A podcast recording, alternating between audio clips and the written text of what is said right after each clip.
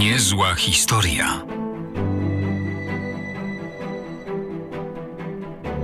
Prezentuje profesor Ryszard Tadeusiewicz. Barbakan rzeczywiście wszyscy absolutnie znamy. Wiemy, gdzie jest położony, znamy jego związek z bramą floriańską, której bronił.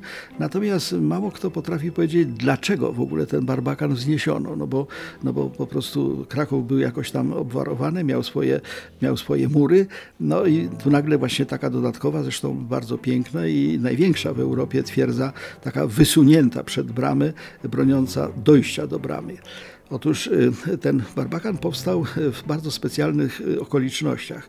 Król Jan Olbracht, y, o którym się mówi, że za króla Olbrachta wyginęła szlachta, zrobił w 1497 roku pewien no, niezbyt rozsądny krok polityczny. Mianowicie zrobił wyprawę na Mołdawię. Chciał podbić tą Mołdawię, chciał uzyskać tamtędy dostęp do portów Morza Czarnego. No i wobec tego pospolite ruszenia, więc szlachta Polska poszła walczyć na tą Mołdawię. Niestety okazało się, że ogromna Rzeczpospolita przy małej Mołdawii okazała się słaba. Mołdawianie zwyciężyli w tej wojnie. Te, te wojska polskie uległy klęsce, co więcej, no, były to bardzo dotkliwe e, klęski pod Koźminem, tam była masakra ogromnej ilości właśnie tej wyginiętej szlachty.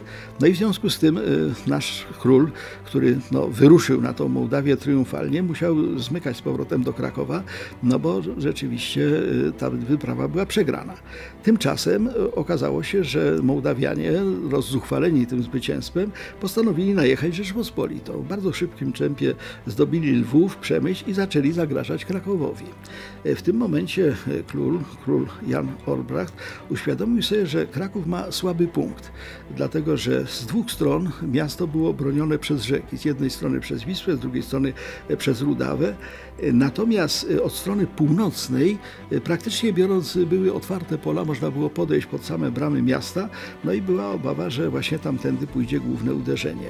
Wobec tego w tym momencie król nakazał budowę tej fortecy, właśnie tego Barbakanu, który miał bronić dojścia do bramy floriańskiej i murów miejskich, wydał ogromną sumę, podobno 100 grzywien, nie wiem ile to jest na dzisiejsze pieniądze, ale bardzo dużo.